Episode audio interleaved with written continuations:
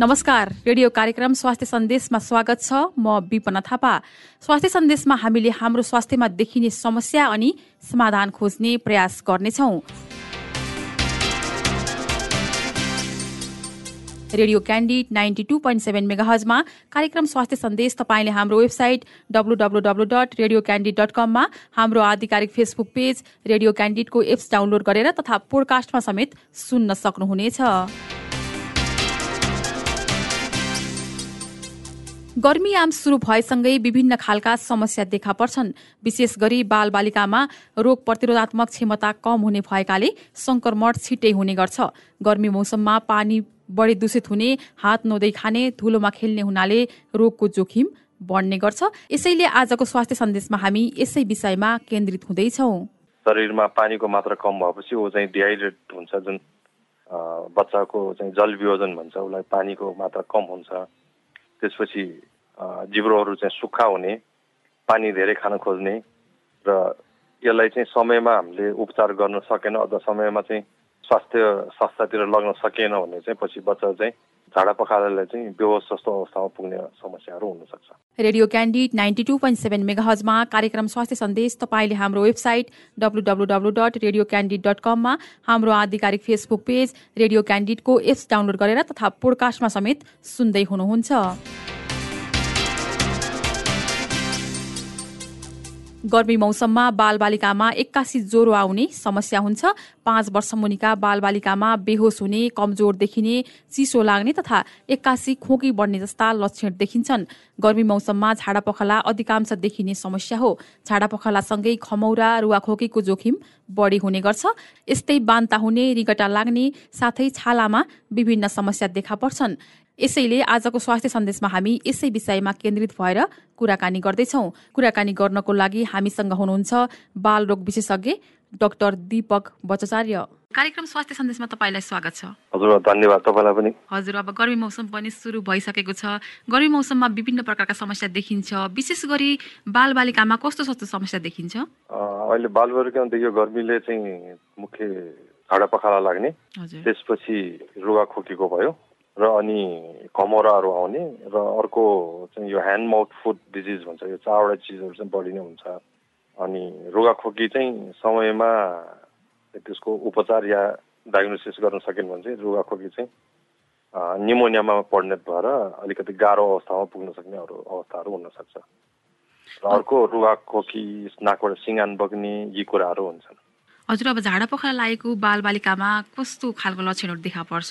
झाडा पखाला लागेकोमा त सबैभन्दा पहिला त दिशा तारन तार पातलो पानी जस्तो अथवा चाहिँ फिङ जस्तो जान्छ। यदि पेटमा अलिकति इन्फेक्सन भयो भने त्यो दिशासँगै अलिअलि रगतहरू देखा पर्छ। त्यसपछि बच्चाको तार जुन दिशाले गर्दाखेरि चाहिँ शरीरमा पानीको मात्रा कम भएपछि ऊ चाहिँ डिहाइड्रेट हुन्छ जुन बच्चाको चाहिँ जल वियोजन भन्छ उसलाई पानीको मात्रा कम हुन्छ।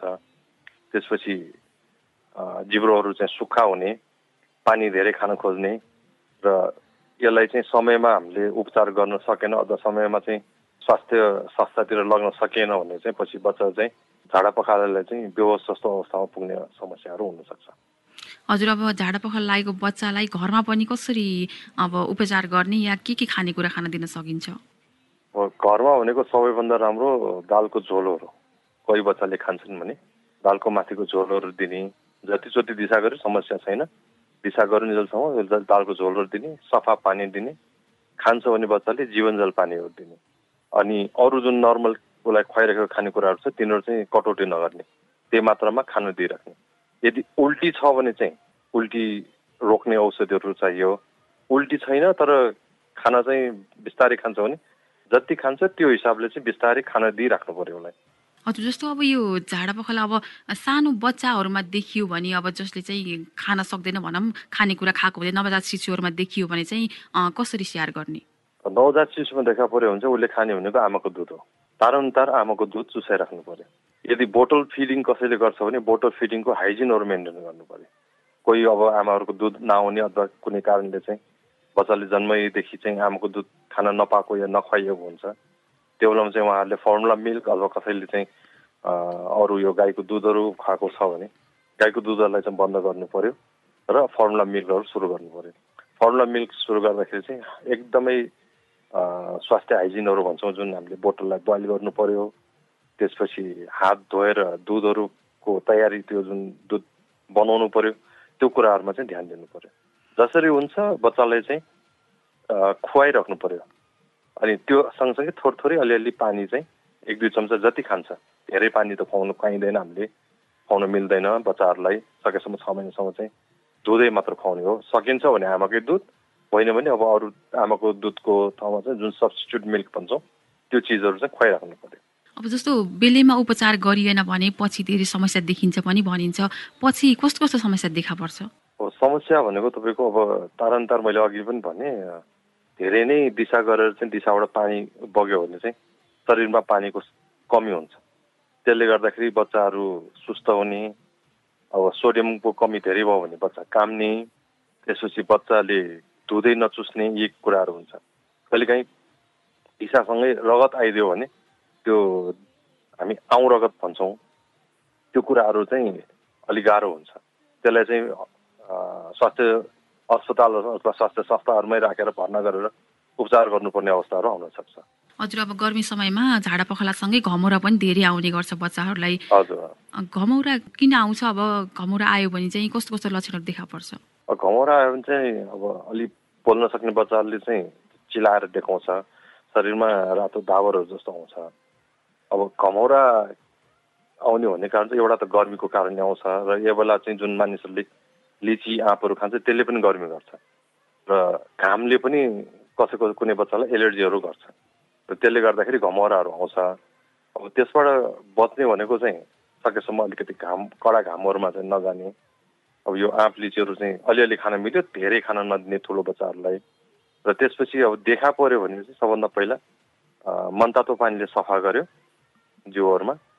जुन लगाइरहेको कपडा सबै फुकालेर अर्को कपडा लगाइदिने र त्यसमा चाहिँ जुन यो हाम्रो पाउडरहरू हुन्छ यो बेबी पाउडरहरू तिनीहरू लगाइदिने। हजुर अब कतिपयलाई चाहिँ गर्मी याममा चाहिँ युरिन इन्फेक्सन पनि हुन्छ भनिन्छ। यो चाहिँ केटाभन्दा केटीमा बढी हुन्छ भनिन्छ। यो चाहिँ कस्तो छ?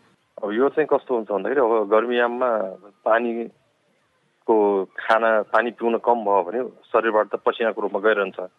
पसिनाको रूपमा गइसकेपछि पानीको मात्रा कम भएपछि पिसाब जुन हाम्रो यो फिल्टर भएर तल जुन पिसाब थैलीमा आउनुपर्ने पिसाबको मात्रा कम हुन्छ। त्यसले गर्दाखेरि चाहिँ अब त्यो पिसाब गर्दाखेरि पोल्ने अथवा चाहिँ गाडा पहेँलो हुने त्यो किसिमहरू हुनसक्छ।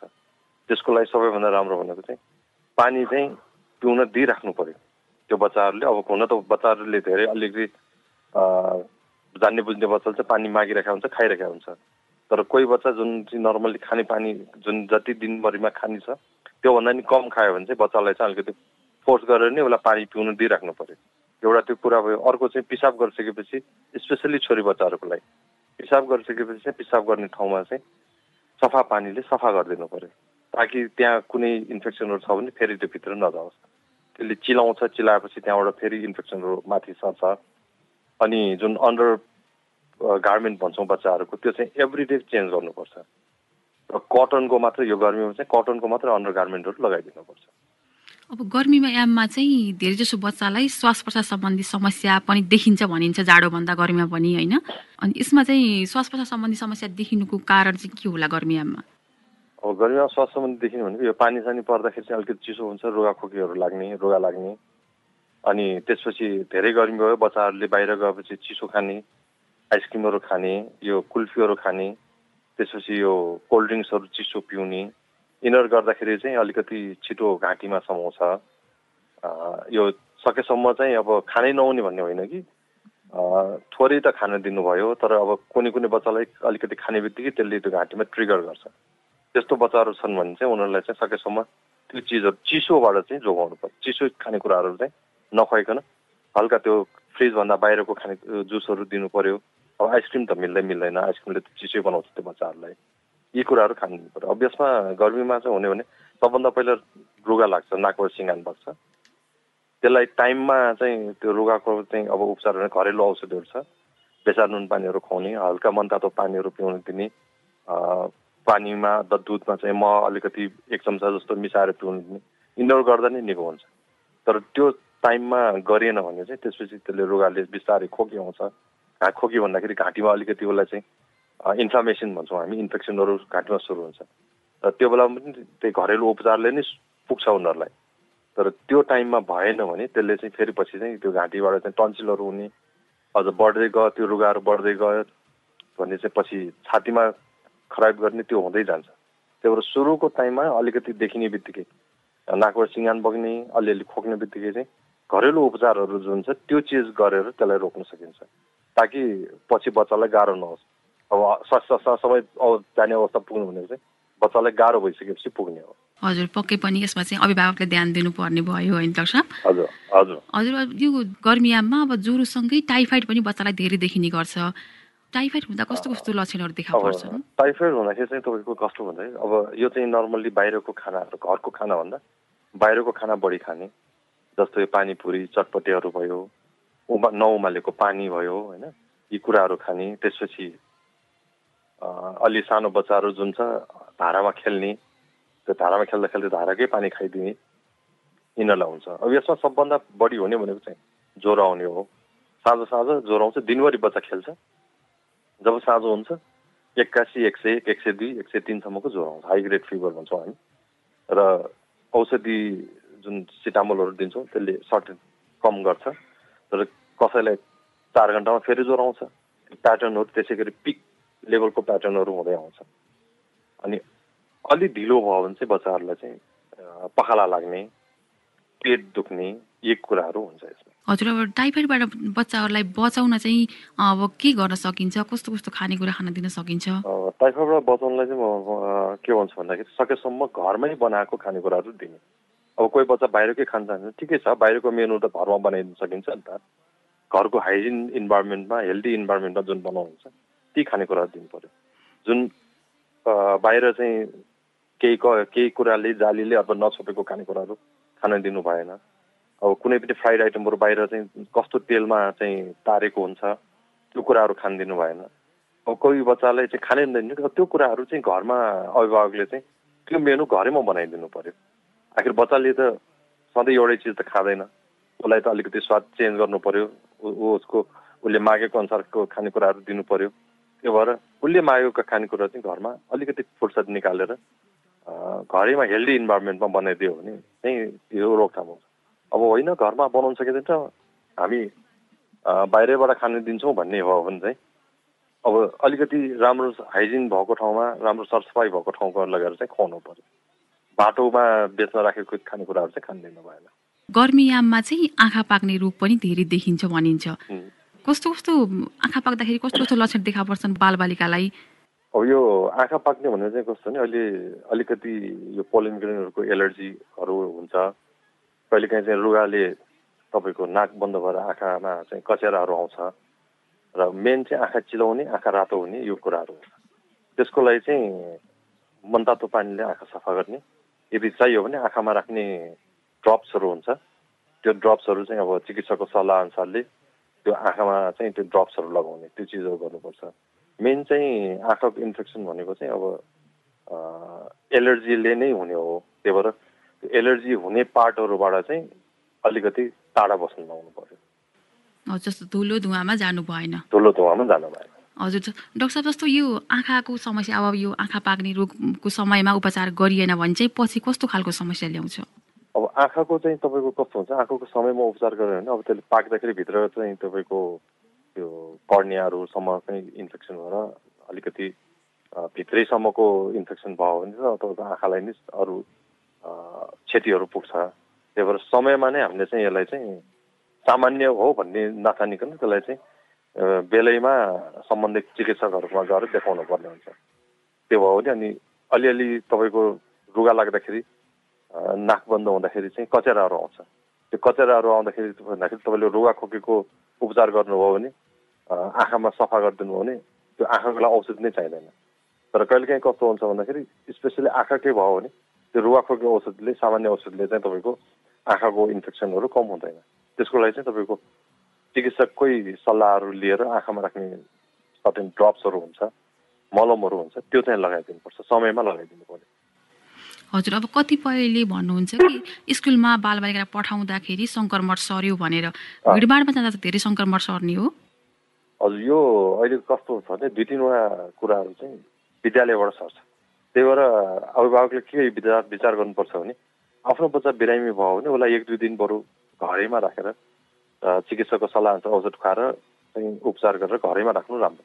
अब धेरै हाम्रो अभिभावक कस्तो छ भने सबै आफ्नो कार्य व्यस्त गरेर स्कुलमा बच्चा राखिदिएपछि आफ्नो अफिसको कामहरू सबै गर्न पायो नि।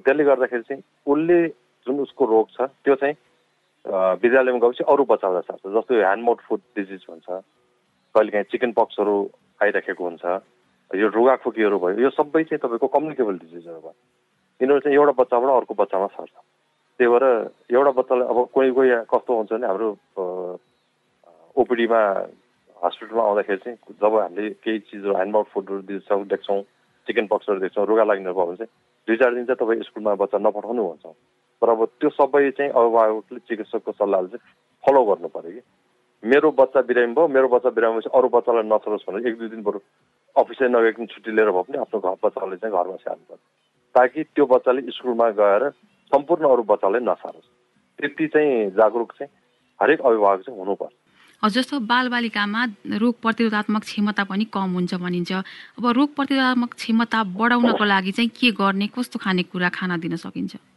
अब रोग प्रतिरोधक क्षमता बढाउने भनेर अब त्यस्तो औषधिहरू हुँदैन त्यसको लागि चाहिँ हेल्दी खानाहरू हो टाइममा खाना खाने दिनु पर्यो घरको खानेकुराहरू दिनु पर्यो अब सबभन्दा राम्रो अलिकति अहिले रुगाखोकी लाग्यो भने तपाईँको दुधमा अथवा चाहिँ हल्का चियामा थोरै मल मिसाएर खानिदिने त्यसपछि दुधमा अलिकति बेसार राखेर खानिदिने यो कुराहरूले चाहिँ हाम्रो शरीरको इम्युनिटी बढाउँछ त्यसपछि मौसम अनुसारको फलफुलहरू सागपातहरू यिनीहरू खानिदिनु पऱ्यो अब कुनै पनि खानेकुराहरू कस्तो हुन्छ भन्दाखेरि सधैँ एउटै मात्र मेनुमा हामीले पकाउन सक्दैनौँ भनेर खुवाउनु थाल्यो भने त्यसले चाहिँ अब जस्तो दाल भात आलु मात्रै दिँदाखेरि चाहिँ सम्पूर्ण पोषणयुक्त खानेकुराहरू हुँदैन। त्यही भएर त्यो अनुसारले पोषणयुक्त खानेकुराहरू जुन हुन्छ त्यो अनुसारले चाहिँ हामीले खानिदिनु पऱ्यो हजुर जस्तो अब यो त समस्याको कुरा भयो डाक्टर साहब होइन? अब समस्या आउने नदिन यो गर्मीयाममा यस्तो समस्या आउने नदिन के के कुरामा ध्यान दिने? समस्या आउने नदिनु भने मैले अघि पनि भने बाहिरको खानेकुराहरूलाई सकेसम्म एभोइड गरिदिनु पऱ्यो त्यही खानेकुराहरू घरमा बनाएर खुवाउन सक्ने भयो अनि पानी पिउनेमा पानी उमालेर पिउने अथवा फिल्टर गरेर पिउन लगाउनु पर्यो। हात धुनु समय समयमा हात धुनु लगाउने। कुनै पनि यो पेन्स बच्चाहरूको बानी के हुन्छ पेन्सिलहरू यो कलमहरू मुखमा राखेर औँला टोकिरहने नङ चपाइरहने त्यस्तो बानीहरू छ भने त्यो चिजहरू हटाउनु दिनु पर्यो। यी कुराहरूले चाहिँ बालबच्चाहरूलाई चाहिँ बिरामी हुनबाट जोगिन्छ। हजुर कार्यक्रमको हामी अन्त्यमा पनि छौँ। हाम्रो कार्यक्रम स्वास्थ्य सन्देश सुनेर बस्नुहुने सबैलाई श्रोताहरूलाई के भन्न चाहनुहुन्छ?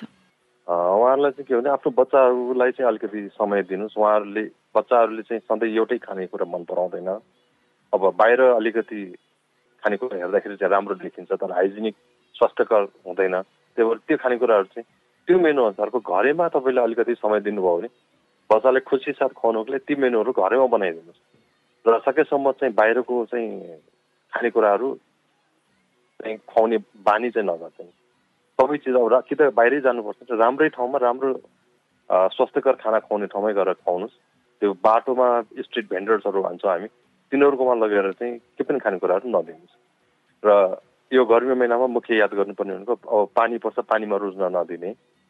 होइन त्यसपछि बाहिर खेल्नहरू जान्छन् धुवा धुलोतिर नपठाउने।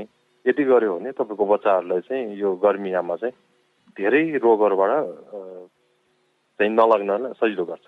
र यदि आफ्नो बच्चा बिरामी छ भने कृपया त्यो बच्चा बिरामी हुँदाखेरि चाहिँ विद्यालयमा नपठाइदिनु।